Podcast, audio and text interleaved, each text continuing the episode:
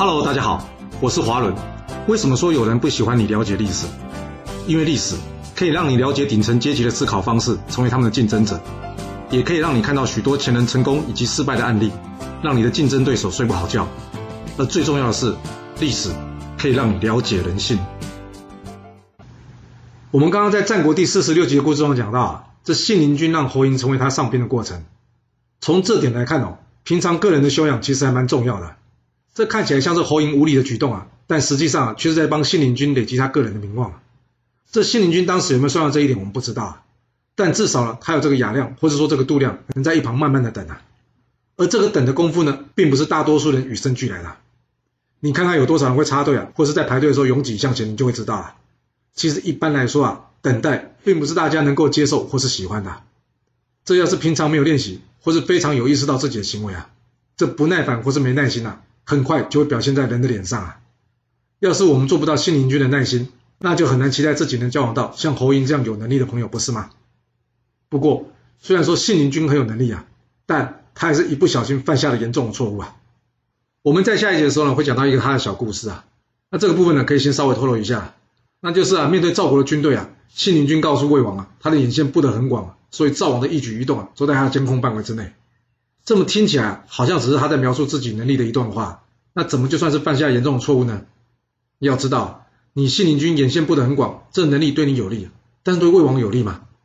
你有把所有从事情报工作人员的名单交给这魏王吗？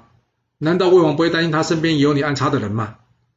换做你是魏王，你会不会提防这信陵君啊？所以有时候啊，并不是有什么能力或是优势啊，都要拿出来让人知道啊。适时陪人演一演戏啊，装装傻是有必要的。就算是自己的老板很英明啊，你的能力或是智慧一旦超越他，他还是会有隐忧，或者说对你会有戒心的。这就是所谓的功高震主了。有听清楚我刚才说的话吗？没错，就算自己的老板再英明了，你都可能会功高震主。何况英明的老板不见得很多哎。所以有的时候啊，即使你的功不高，也能震主啊。这就是为什么不论官场还是职场，我们常常可以看到一堆拍马屁的人在老板左右了。啊，那你以为拍马屁的人就是能力不好吗？嗯，是啦，很多拍马屁的人的确能力不好，但还有一部分的人，他不是能力不好，而是他既有拍马屁的行为，让人家觉得他能力不好。这里不是要你去学拍马屁啊，而是要告诉大家，古人为什么常常强调做人要低调或是藏拙的重要性呢？毕竟锋芒太露啊，就容易惹祸上身啊。所有能力必须在适合的人事实地物下进行发挥，才不会伤害到自己啊。那至于如何去实践这一点，并没有固定的公式啊。不过还好，有古人留下的历史，可以让我们有参考的资料。接着观察以及学习一些前人经验，可以让我们有更多机会一开始就做对。要是放弃了这条捷径，那剩下的就只能在自己生活实战中去体验。您说是吧？若是您有其他想法，也欢迎您留言分享您的看法给大家哦。好了，我们今天就先说到这。